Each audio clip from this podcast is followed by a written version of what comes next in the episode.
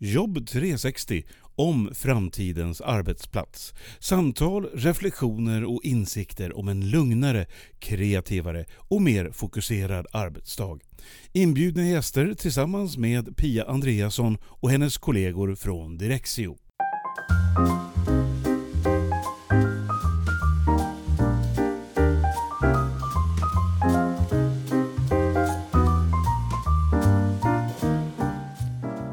Har träffat Gustav Molnar från Divo igen. Han har ju varit med i podden förut och han har ju alltid så intressanta och inspirerande saker att säga. Den här gången vill jag träffa honom för att han har fått en fin utmärkelse, nämligen Årets profil inom distansarbete. Och då vill jag ju såklart prata vidare med honom om vad det här med distansarbete innebär. Och vi kläcker också några riktigt spännande idéer när det gäller möten i framtiden och hur man kan göra de digitala mötena bättre. Välkommen till Jobb 360!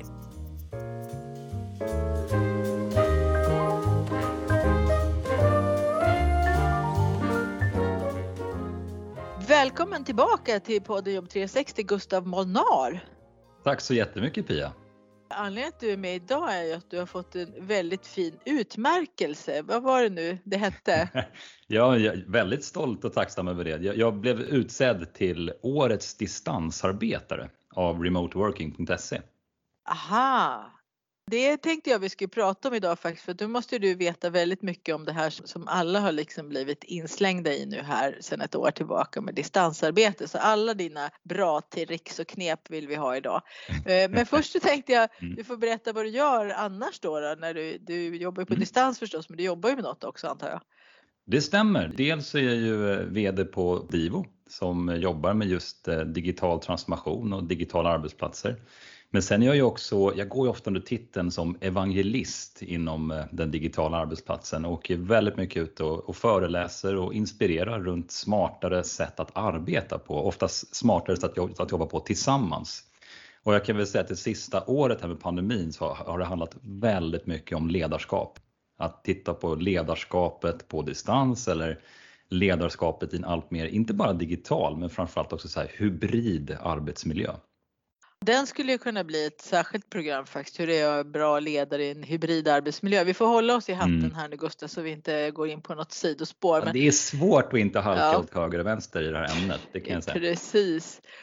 Jag tänkte så här, jag är ju nästan, om du är så evangelist, då är jag nästan din lärjunge då, fast du pratar ju om folk som ska jobba tillsammans och jag pratar mm. ju om hur man var och en person ska kunna jobba smartare och då ingår i det här faktiskt för nu sitter ju människor var en person själv då i bästa fall. I sämsta fall är man ju flera personer i hushållet och sådär men mm. man sitter ju ensam och ska jobba nu och jobba på mm. distans. Vad är det som är utmaningen som du ser det med att sitta hemma på hemmakontoret? Då? Det finns flera utmaningar säkert mm. men nämn någon. Den är ju otroligt individuell och eh, organisationsanpassad utmaningar men såklart vi ser att det finns några som alltid toppar. Det som är intressant är att innan pandemin slog till så brukade jag ofta ställa den här frågan till företagsledare och människor i arbetslivet. Så här, vad skulle hända med dig och med din organisation om alla era fysiska kontor bara försvann imorgon? Alltså skulle ni känna att ni hade rätt digitala men framförallt kulturella förutsättningar? Alltså hur skulle det påverka sådana saker som ledarskapet, kulturen eller förmågan att kunna samarbeta runt gemensamma mål? Ingen kunde väl liksom förutse att vi skulle ju hamna ungefär ett sådant scenario där miljontals människor världen över helt plötsligt jobbar på distans och blev befordrade till liksom kontorschefer i sina egna hem. Och det är ju en jätteutmaning och det är också en enorm autonomi. En autonomi som jag tror många hade längtat efter. Tänk om jag kunde få jobba lite mer flexibelt, både bestämma plats och tid. Nu har vi tyvärr tvingats in i det här. Jag tror inte att tvång är speciellt bra heller, att tvinga människor att jobba på distans, utan vi ska kunna jobba därifrån vi vill utifrån vad vi känner att vi behöver eller vad vi kan få mest gjort för stunden och vad som passar i vårt livspussel. Tittar vi nu på vad som har hänt under pandemin så tycker jag att det är ganska tydligt att organisationer som har lyckats bättre än andra, som har lyckats bemästra den här konsten med att jobba smartare tillsammans i en tid där merparten av medarbetarna sitter på distans, där finns det några nycklar som jag tycker de gjort ganska bra. För någonstans har vi också, när vi har lagt det här autonomi på vågskålen som egentligen är en ganska bra grund för att skapa engagemang om man sköter den rätt.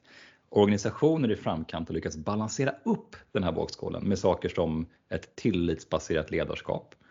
Man har haft ett väldigt starkt så att säga, medarbetarskap där man också tar ett ansvar för att investera i saker som relationer och en god arbetsmiljö. Alltså i en tid där vi må vara separerade rent fysiskt, men vi behöver inte vara det digitalt eller mentalt. Och där finns ett ansvar att vårda sitt nätverk och, och liksom investera i relationerna med kollegor var vi än sitter. Men tittar man då specifikt sen ner, så här, men vad är utmaningarna när man sitter hemma och jobbar? Bara för att ta tre, tre stycken saker som kommer upp. Nummer ett brukar vara ergonomi, alltså hur vi sitter, hur vi står, att man inte har en bra plats. Det är inte alla som har ett höj och sänkbart skrivbord eller en bra skrivbordsstol, utan det kanske är kökspallen och köksbordet eller soffan. Och det är klart att det är ett problem som vissa människor har, men inte alla. En annan sak är ju just eh, att det är svårt att planera sin dag runt pauser, runt möten och sånt att jag hoppar som jag, jag gjorde ju själv det misstaget idag att jag satt i ett möte sen hoppade in i en podd plötsligt så att nu sitter vi här. Men jag predikar väldigt mycket om att man måste bli bättre på att planera in pauser och respektera andra människors tid. För bara för att vi sitter på distans så innebär det liksom, vi kan ju fortfarande bli störda av kollegor. Vi kan fortfarande dras in i en ineffektiv möteskultur. Så där behöver vi tänka till väldigt mycket runt det. Möten är ju för övrigt någonting som har blivit Alltså det finns positiva saker och negativa saker. Det sägs ju att vi, vi får kortare möten, vilket är positivt, men vi får tyvärr fler möten. Någon fler möten, ja. Möten Precis. är det nya CC. Vi ska ta ett, ett Zoom eller Teams eller Slack-möte direkt. Liksom, så att Ja, jag hör ju ibland mina kursdeltagare, de reflekterar över, särskilt på min kursdag 3 där vi pratar mycket om kommunikation, om tillgänglighet, alltså det kommer så mycket kloka mm. saker där. Som till exempel den här helt självklara saken som alla inte har tänkt på. Nej men jag ser ju om personen är grön alltså tillgänglig. Ja, det betyder att den här personen har i sin kalender angett att den är tillgänglig. Då borde mm. jag kunna lägga ett chattmeddelande till den och förvänta mig svar. Fast mm. å andra sidan om jag inte får det så får jag inte bli arg eller otålig utan det går ju an till att vänta ett tag också. Men ja. hellre det än att jag bokar ett möte bara för att jag behöver prata med personen. Sådana ja. reflektioner kan komma det behövs inte så mycket tycker jag för att människor ska sättas ner och tänka till och komma på så bra saker. Det är bara det att ingen har bett dem att tänka till kring de här sakerna innan. De har bara gjort på ett sätt som alltid har gjorts. Jag går till dig och säger, har du fem minuter Gustav? Att planera ja, sin dag också är en annan ja. grej som du kom in på. Men just det här med att hur tar man snabba möten och snabba avstämningar utan att boka ett möte? Det där behöver man prata om. Problemet är att det är komplext eftersom att det handlar om att det är ett samspel med andra. Så många sätter ju någon typ av så spelregler eller guidelines, liksom vad gäller på vårt digitala kontor. För om du, om du jämför det här med det, du är grön, gul eller röd eller du är stör ej, och med, om du skulle säga att du var på det fysiska kontoret, om du är grön så sitter du förmodligen liksom i ett, en öppen yta i en aula där du är tillgänglig för människor. Är du stör ej så har du låst en dörr och sitter liksom inne i ett, i ett eget rum. Och eh, är du gul så kanske du är inne på toaletten eller någonting, jag vet inte. Men samma sak borde vi ju tänka på digitalt, att det finns ett digitalt kontor och vi behöver sätta förväntningar och ramar. Vi, vi vet att man är så här, vi, vi behöver vara tillgängliga för varandra, men vi behöver också kunna vara stör ej och vi behöver förstå vad som gäller, liksom ramarna. För är någon grön, då kan man nästan förvänta sig ett snabbt svar. Och jag tycker att liksom, har man inte satt de tydliga ramarna så blir det ganska knepigt att samspela. När vissa saker funkar på andra, vissa och andra inte. Jag säger så här, vad är inte en utmaning i att jobba hemma? För de allra flesta så är det inte en utmaning med att man liksom saknar teknik eller saknar digitala verktyg. Det har de flesta. Utmaningen är att många känner sig också förvirrade. Alltså vad är det som gäller nu? Med statusmeddelanden, med när ska jag använda vilket verktyg? Vissa har ju fortfarande en kultur där man sitter och massmailar med kollegorna medan andra har klivit liksom in i, i mer moderna arbetssätt som, som Teams eller andra verktyg. Och där bör man också sätta ramarna. Vad är våra digitala arbetssätt? Vad gäller på vårt digitala kontor? När en ny människa onboardas till oss, vad är våra liksom, arbetssätt i hur vi samspelar? Eh, det finns ju liksom en fyrfältare där. I ena skalan har vi det här med digital mognad för att det jag hör hela tiden i mina kursgrupper det är ju att det skiljer sig åt väldigt, väldigt mycket. Alltså vissa personer är alltid gröna, det vill säga de har nästan inget i sina kalendrar men de svarar aldrig i telefon och de vet inte hur man chattar. Det blir en frustration där. Sen så har vi ju de som har planerat sin tid väldigt mycket och sitter i möten hela tiden och då aldrig är nåbara. Så att där har man en liksom i förmåga. Men sen också har man ju det här med personlighet. Alltså vissa tycker att det känns ju väldigt okej okay att sitta hemma och jobba. Man har inga problem med det. Och sen är det andra personer som tycker att det var väldigt betungande. Ja. Och där hörde jag det var tvärtom. Man trodde i början att de här extroverta personer som går runt och pratar på, kontor, på kontoret och sociala och så vidare, de kommer att tycka det är jättejobbigt att sitta hemma. Medan de som är lite mera, mm. lite introverta, kanske inte snackar lika mycket, helst skulle triva sitt eget rum på jobbet om man kunde få det. De kommer att tycka att det här är kanon. Mm. Och så mm. blev det tvärtom. Mm. De introverta upptäckte att jag behöver det här sociala sambandet mer än vad jag förstod och de extroverta tyckte åh vad skönt att slippa gå och småprata hela tiden. För det var deras drivkraft och tankegång ja. att det är så man gör, vilket ju säkert bidrog väldigt positivt på kontoret också. Ja. Och mottogs positivt. Men sen så när man sitter hemma så tycker man bara åh, äntligen får jag något gjort. Jätteintressant tycker jag. Verkligen vi också rör oss in på ett ämne som jag tycker att det äntligen börjar pratas om och det är det här med digital kompetens. Alltså vi lever ju i 2021, det är en tid där vi jobbar väldigt digitalt. Alltså tittar du på skärmtid för olika yrkesgrupper så ser du att de flesta har väldigt hög skärmtid. Oavsett om du sitter hemma eller på kontoret så sitter du säkert 80% av din arbetstid och stirrar in i en skärm. Och det innebär att du har ett ansvar som människa, som person för att vårda och utveckla din digitala kompetens. Och det handlar ju inte bara om att lära sig nya digitala verktyg. Det handlar om att anamma nya arbetssätt och förstå det här med hur man tar in information, data, delar, liksom gör sig tillgänglig, spelbar och är utforskande och nyfiken på hur man kan jobba smartare. För nya verktyg kommer det komma nu hela tiden. Men där tycker jag att organisationer i framkant pratar om det här med digital kompetens som något viktigt på, liksom, på en individuell nivå där det finns ett ansvar och har man en chef som inte förstår det här med digital kompetens och som kanske sitter fast väldigt mycket i det i liksom traditionella, då blir det otroligt svårt att kliva över till modernare arbetssätt. Ja, då får man det här gummibandet därför att vissa kommer ju alltid att kliva iväg i förväg. Jag skulle säga 10-15 procent anammar ju det som kommer och utforskar och undersöker mm. och 10-15 procent gör aldrig det utan de har sina anteckningsblock och postitar och jobbar på det sättet helt enkelt och öppnar datorn ja. bara för att läsa mejl i princip. Lite hårdraget men så ser det ju ut ute i verkligheten. Har man då inte en chef som ser det här och har förmågan att samla ihop det då blir det ett gummiband som dras ut tills det någon gång gör ont mm. säger jag. Mm. Då, får du, då släpp, släpper du där någonstans och går av och då kommer det göra ont.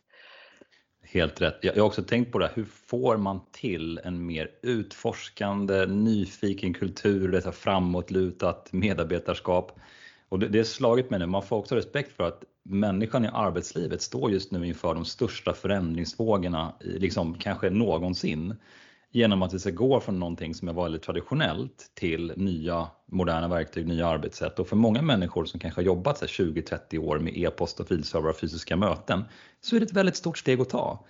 Och ska man då säga nu ska du vara utforskande och lära dig massa nya saker och inte bara en gång utan kontinuerligt uppdatera din kompetens och ta ansvar för det. Då behöver vi sänka tröskeln och sänka tröskeln behöver de flesta människor hjälp med och det innebär att vi måste se till att alla får en gedigen utbildning, en gedigen insikt, en gedigen förståelse för varför vi gör det här och vad det innebär för oss i vardagen och hur man själv kan bidra till det. Sen så kommer det komma tillbaka hela tiden till det egna utforskandet, det egna ansvaret. Men där tycker jag att organisationens ledarskap har ett ansvar, inte bara som en IT-fråga, men kanske mer som en HR-fråga, att driva frågan om liksom ledarskap, beteenden, arbetssätt, onboarding och liksom se till att alla får tillgång till det här kontinuerliga lärandet. Men om man väl fått nyckeln dit så bör man själv ta stegen till att börja förändra sig människor som får lära sig någonting vill ju ofta veta mer. Det är som du säger, sänka den där tröskeln så att man mm. känner att man har klivit in i en ny värld. Och då blir det inte så komplicerat att kanske köra en högerklick eller titta på en ny funktion eller fundera också på okej, okay, så här kunde man göra. Kan, på vilket sätt kan det här vara användbart för mm. mig och för oss? Som jag ser det så krävs det ju en digital grundplåt. Vad ska man säga? Vi måste ha alla på en viss nivå för att det här ska kunna börja funka så att alla studsar på samma ställe.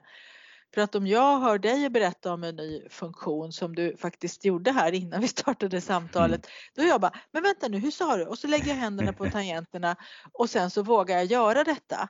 Men det är ju för att jag har den här grunden att okej, okay, jag testar det som någon annan berättar. Nästa steg som behövs är ju att berätta. Att vi mm. har en kultur där jag mm. inte tror att det som jag kan, det kan väl alla. Och när jag ska inte tro att jag är någon och räcka upp handen och säga hörni, vet ni vad, jag har kommit på en bra sak. Utan man behöver bygga en kultur där, där det är naturligt att man delar med sig av det man har kommit på. Och det är också som du säger, det är en HR och chefsfråga. Varför kan man inte ta varje veckomöte och säga ja, Stina, ge oss dagens digitala tips liksom. Ta det mm. rakt från hjärtat bara. Och sen spelar det ingen roll ska inte göra i alla fall om Stina säger samma sak som Kalle sa för 14 dagar sedan. Hon kan ju säga, jag testade det där som Kalle sa för 14 dagar sedan mm. jag tycker det är kanon. Mm. Ja, vad var det då säger Lasse? Jo men det var ju det här säger Kalle. Och sen är man igång med snacket. Kraften inifrån. Precis, och att få medarbetarna att våga dela även det. Jag vet inte om det kan vara lite svårt en, i eh, Sverige men, men vi måste dit. Det är på gång känner jag. Eh, och sen du på en väldigt viktig sak, just det här med att visa sårbarhet med att man inte kan allting och att man behöver blotta det någonstans. Och framför allt som chef, jag tror många chefer jag träffat de, de förväntar sig liksom att medarbetarna tror att de ska kunna mest om de här digitala verktygen och vara liksom förebild och ta ansvar. Men vi måste prata om att så behöver det inte vara, utan eh, det vanligaste är att cheferna har medarbetare som är mer digitala än vad man själv är. Då behöver man ha ett samspel och visa sårbarhet och ta hjälp av medarbetarna för att utveckla sin digitala kompetens och sitt, även sitt ledarskap, i vilka färdigheter vi behöver stärka för att vara en modern och stark ledare. Och det finns ju inget som heter digitalt ledarskap, men, men det finns ledarskap, alltså färdigheter som blir allt viktigare. Jag tänkte på fler utmaningar Pia, Ja, jag, jag, fortsätt jag med det. Vi spårar ur som vi sa. Jag, spå, jag spånar här. Jo, men en första som jag har tänkt på är ju som jag själv har lidit av. Jag har faktiskt eh, gjort någonting åt det nu, men det är att man blir så mycket mer stillasittande. Alltså jag cyklade ut till jobbet förut, liksom 40 minuter in, 40 minuter hem. Visserligen med elcykel, men jag fick i alla fall frisk luft och jag rörde lite grann på mig och jag märkte att jag, jag satt ner så mycket mer nu varje dag. Och det finns ju så många studier. Det finns en amerikansk studie som visar att vi sitter ner så här 2 timmar och 40 minuter längre varje dag. Och det bekräftades även av en irländsk studie som visar att 50% av alla distansarbetare sitter ner nästan 3 timmar längre varje dag. Och det är ju inte klokt. Det var det är så här, någon, någon skola i Danmark hade man mätt det här med vikt och fetma på barn och sett att under pandemin så hade man gått upp brutalt mycket, även barn. Så det känns som att vi behöver ta tag i det här. Så att jobbar du hemma, lägg in verkligen det här med promenader, träning och sånt. Det är en viktig del tycker jag av att kunna jobba hemifrån efter bästa möjliga förmåga får man också tillägga. Men att faktiskt röra på sig för att man blir också mycket mer produktiv om man rör på sig, om man tränar innan jobbet eller något, vad man nu gör. Och sen det här med höj och sänkbart skrivbord också om man nu tänker sig att man ska investera i sitt hemmakontor, då tycker jag det är viktigare med ett höj och sänkbart skrivbord ja. än att eh, köpa en sån här fancy kontorsstol.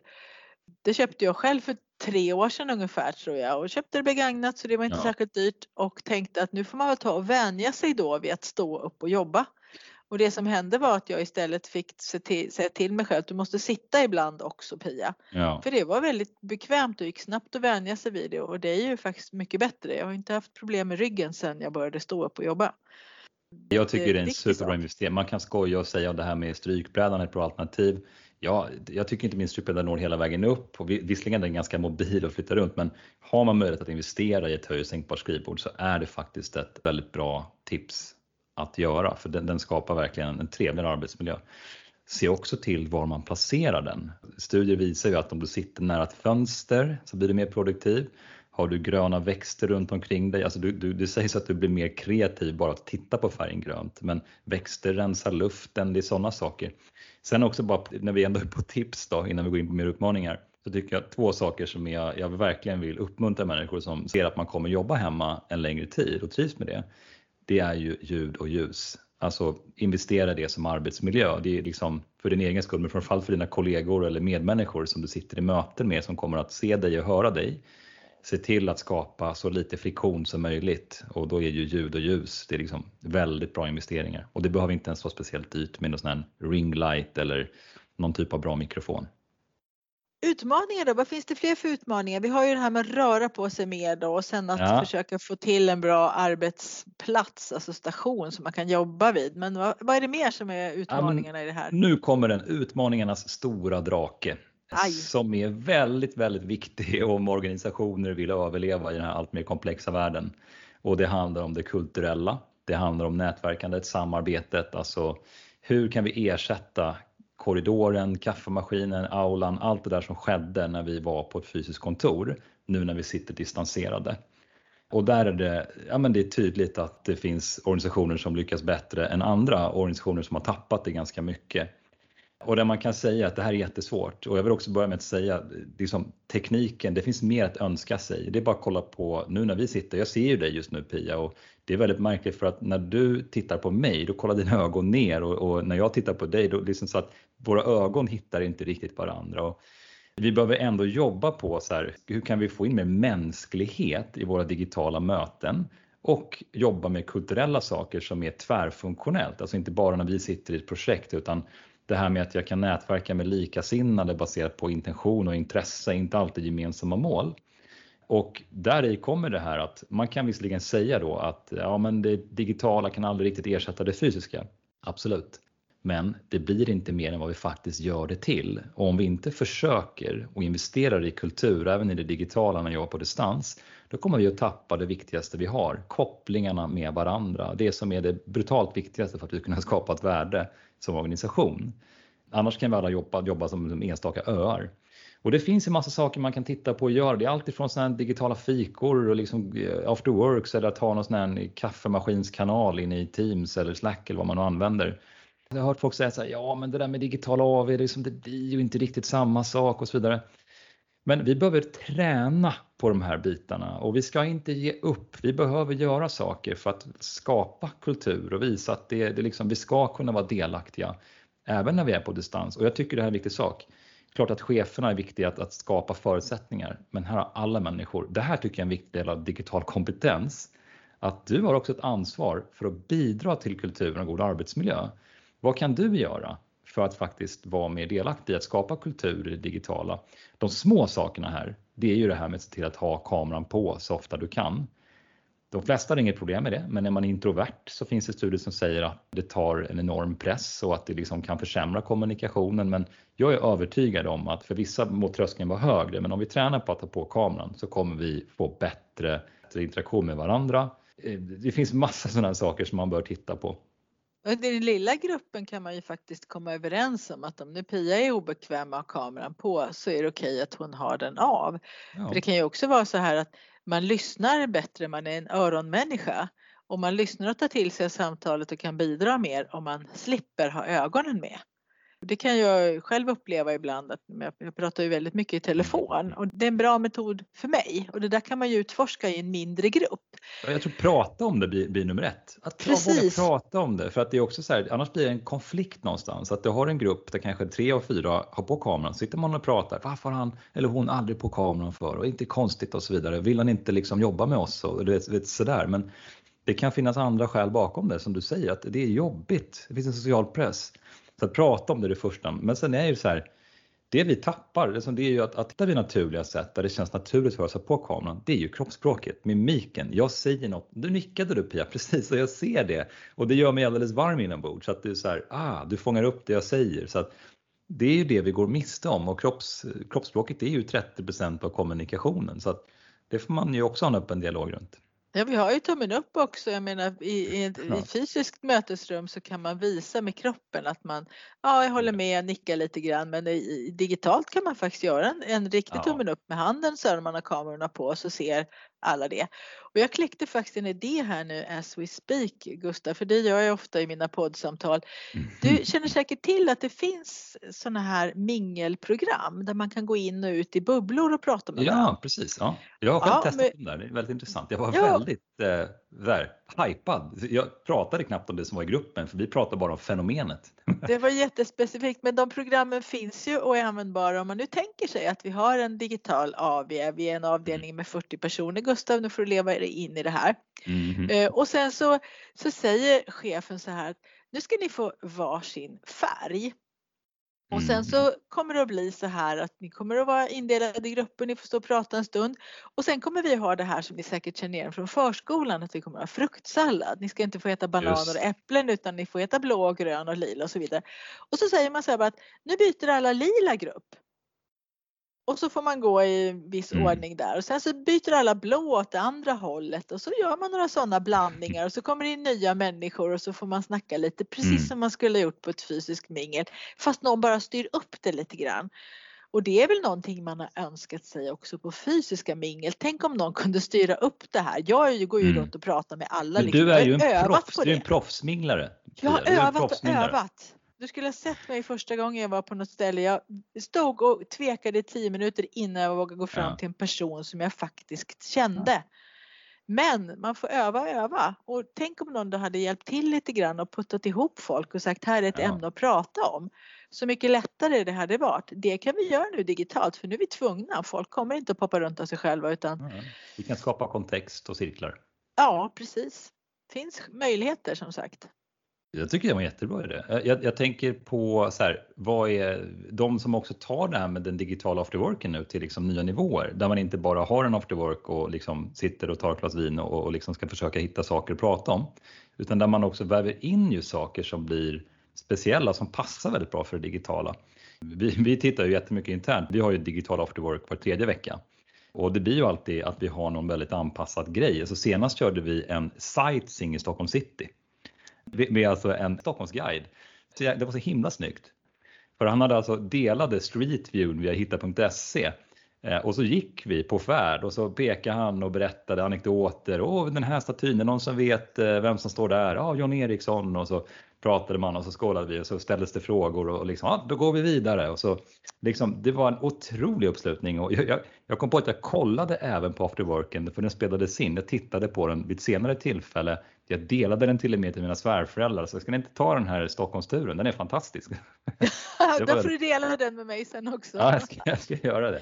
Men du, var... kunde guiden ha haft en webcam och gått på det viset, en sån här pannkamera då? Hade det gått lika bra? Det. Ja, det, absolut. Och vi, vi har en afterwork nu på fredag och jag får egentligen inte säga vad den ska handla om, men den här podden kommer ju släppas efter.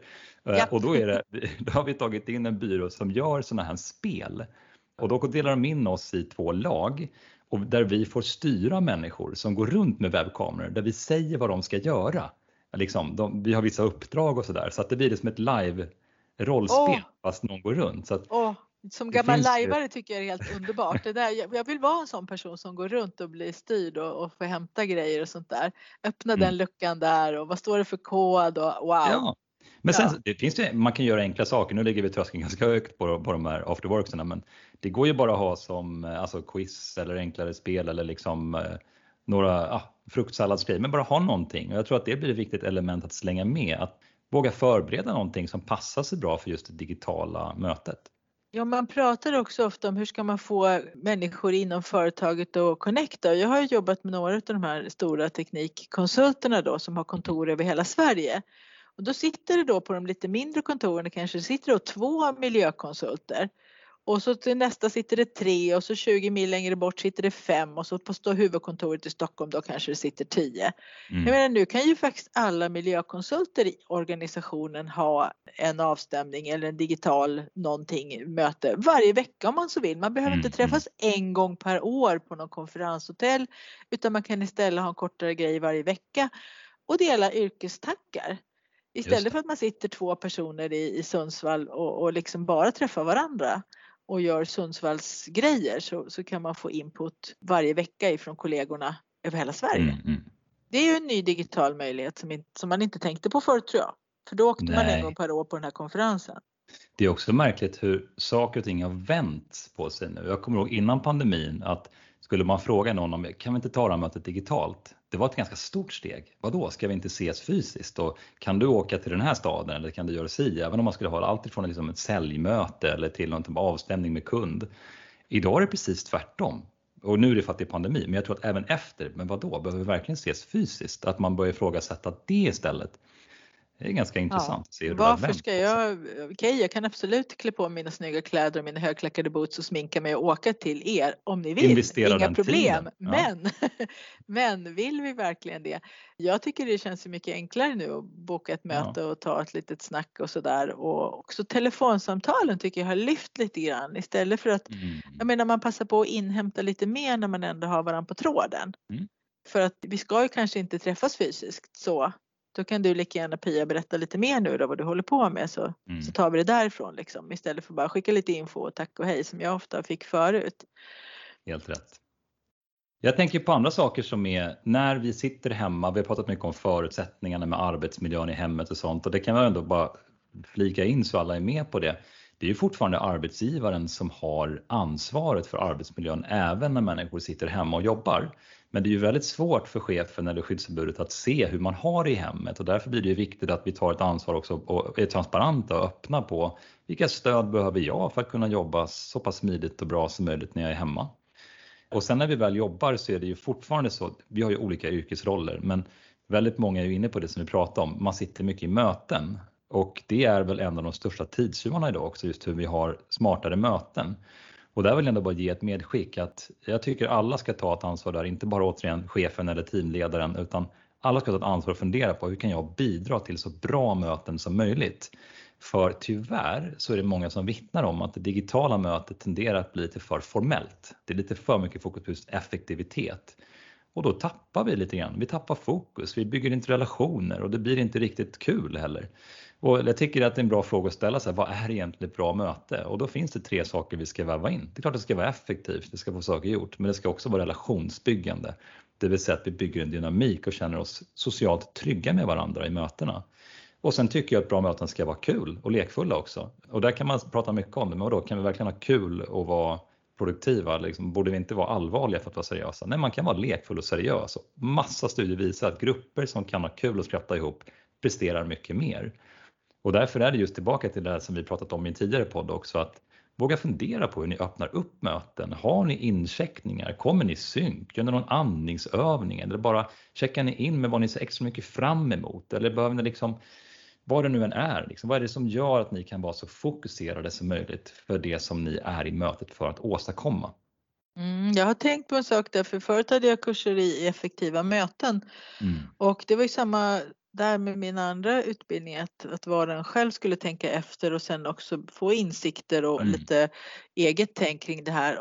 Det är ju så mycket olika mötespunkter man kan ha. Det kan vara beslutspunkter, det kan vara diskussionspunkter, det kan vara brainstorm, det kan vara Eh, rapportpunkter och sådana saker. Mm, mm, Rapportpunkterna hoppas jag att man gör på något annat sätt nu så att alla inte sitter och berättar för varandra vad man har gjort sen senast. Det är ju största förhoppningen. Avrapporteringen, micromanagement. Ja precis, den kan vi ta bort helt för det kan man lägga någon annanstans. Men just det här insikten hos de kursdeltagarna, de förstod att ja, men, våra agendor blandar ju hej vilt här. Det är någon mm. som bara satt upp en agenda och inte tänkt sig för. Och då tänkte jag att i den här digitala världen kan vi ju då kanske renodla det lite mer, ha fler kortare möten för vi, vi måste inte ta allting nu när vi sitter i samma rum. Så var det ju förut. Mm, mm. Man hade hela gänget samlat i två timmars möte. Då fick man ju repa igenom precis alla de här olika sorternas punkter. Och i värsta fall så kommer ju de kors och tvärs. Och kan man inte tänka sig att man har då ett beslutsmöte med de fyra som behöver ta de här besluten och de tre som inte är inblandade behöver inte sitta och lyssna. Det gjorde de ju förr i tiden. Och sen så har vi ett brainstorm-möte och då är det ytterligare en konstellation i gruppen som behöver brainstorma kring någonting.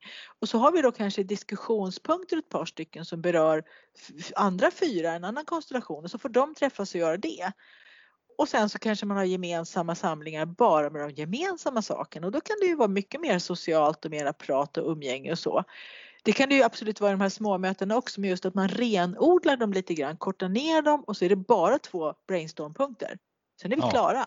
Vi behöver inte sitta och lyssna på en diskussionspunkt som tre andra kör. Vad tror du om det Gustav? Eller kan det vara något för framtiden?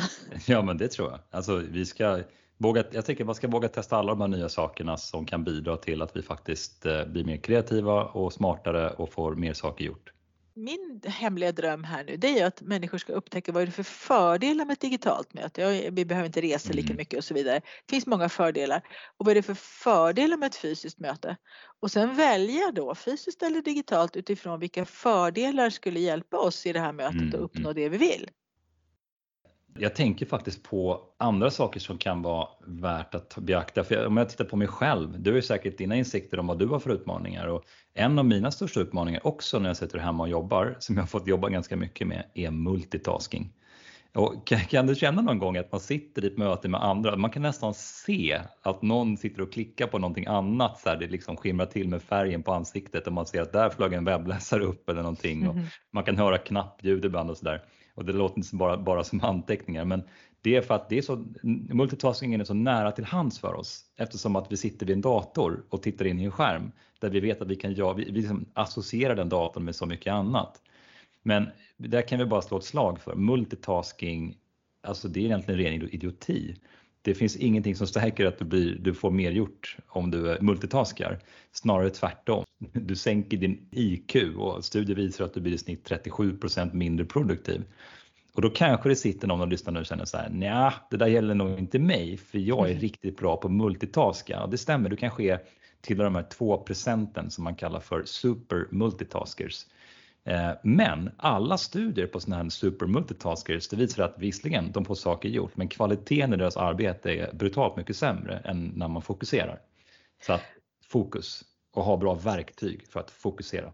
Men då kanske det där med mötena då, att ha kortare möten som bara fokuserar på vissa saker mm. skulle få bort det där för att då, nu har jag en halvtimme här och vi ska brainstorma och lägga in våra synpunkter om två viktiga saker som sen två personer ska ta vidare. Och då kanske man sitter och lägger in allt man har där och då istället för att svara på det där mejlet som poppar upp om inte man har gått kursen med mejl, lärt sig stänga av aviseringarna förstås.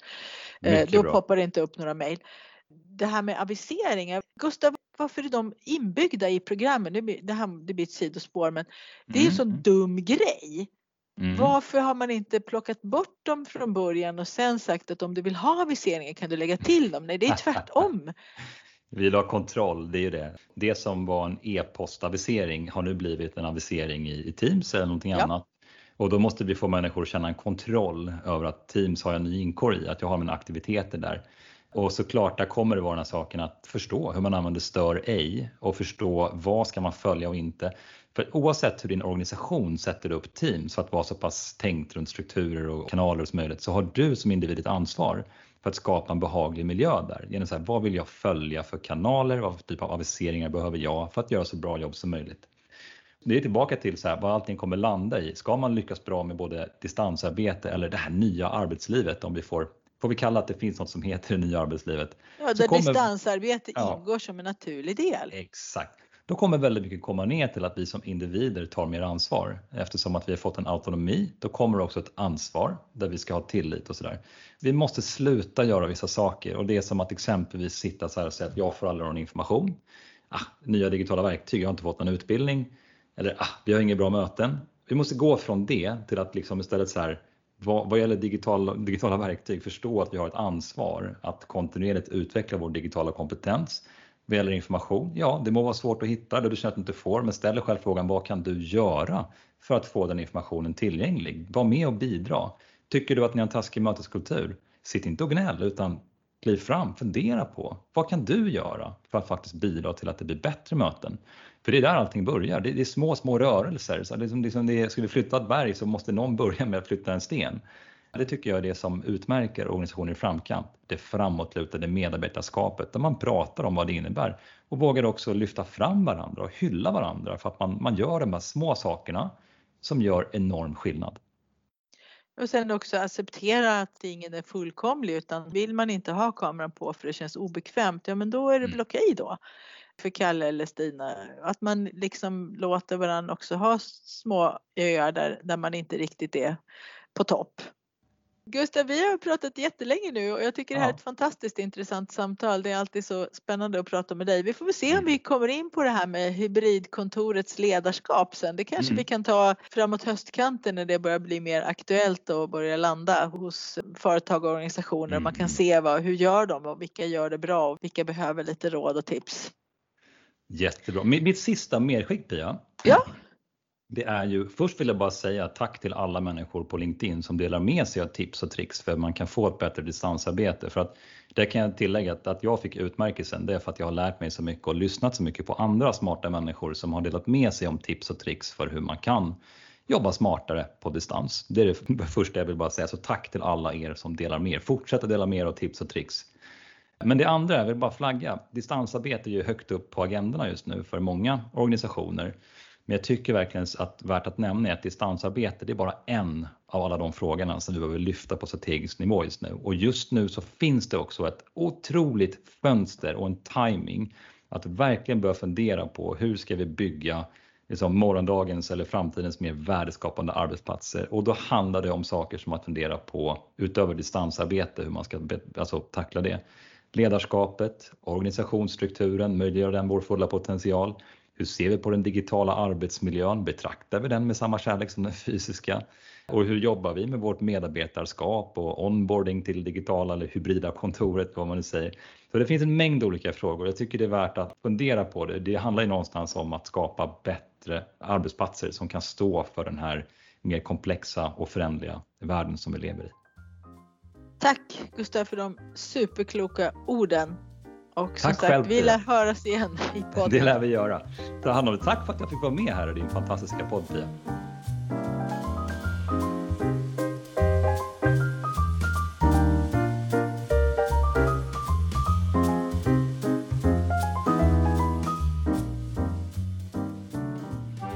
Eftersom utbildning är mitt gebit så gillar jag ju förstås extra mycket det där som Gustav sa om att vi måste se till att alla får en gedigen utbildning så att man kan jobba på ett bättre sätt digitalt och utnyttja alla möjligheter som finns.